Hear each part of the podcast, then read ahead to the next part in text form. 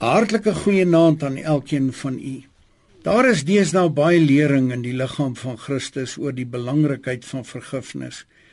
Ons moet egter daarop let dat vergifnis 'n deel van die liefdeswandel moet wees en nie iets losstaande wat op sy eie is nie. Daar is mense wat vergewe met 'n gesindheid van ek vergewe jou, maar waar ek spoeg, sal die gras nooit weer groei nie.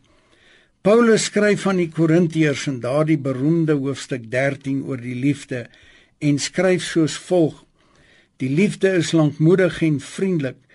Die liefde is nie jaloers nie. Die liefde praat nie groot nie. Is nie opgeblaas nie. Handel nie onwelvoeglik nie. Soek nie sy eie belang nie. Word nie verbitter nie. Reken die kwaad nie toe nie. Soos ons kan sien, is hierdie reken die kwaad nie toe nie 'n deel van die hele breër konsep van die liefde. Hierdie Griekse woord vir reken beteken letterlik daar word nie boek gehou van die kwaad nie. As iemand jou kwaad aangedoen het, skryf jy dit nie iewers in jou hart op nie.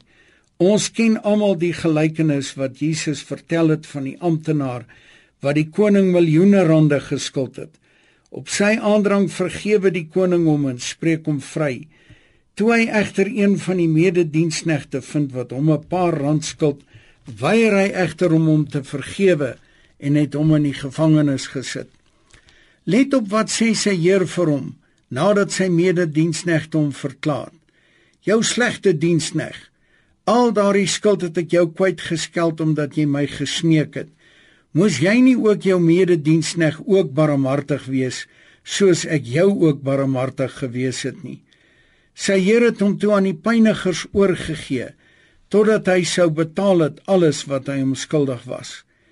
Ek wil u ook graag daarop wys dat iets omtrent die wyse waarop ons vergewe word verander het nadat Jesus sy eens en vir altyd offer aan die kruis vir al ons sondes gebring het.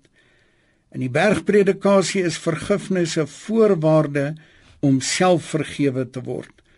In Paulus se brief aan beide die Efesiërs en die Kolossense word die orde egter omgedraai. Vergeef mekaar soos God in Christus julle vergewe het.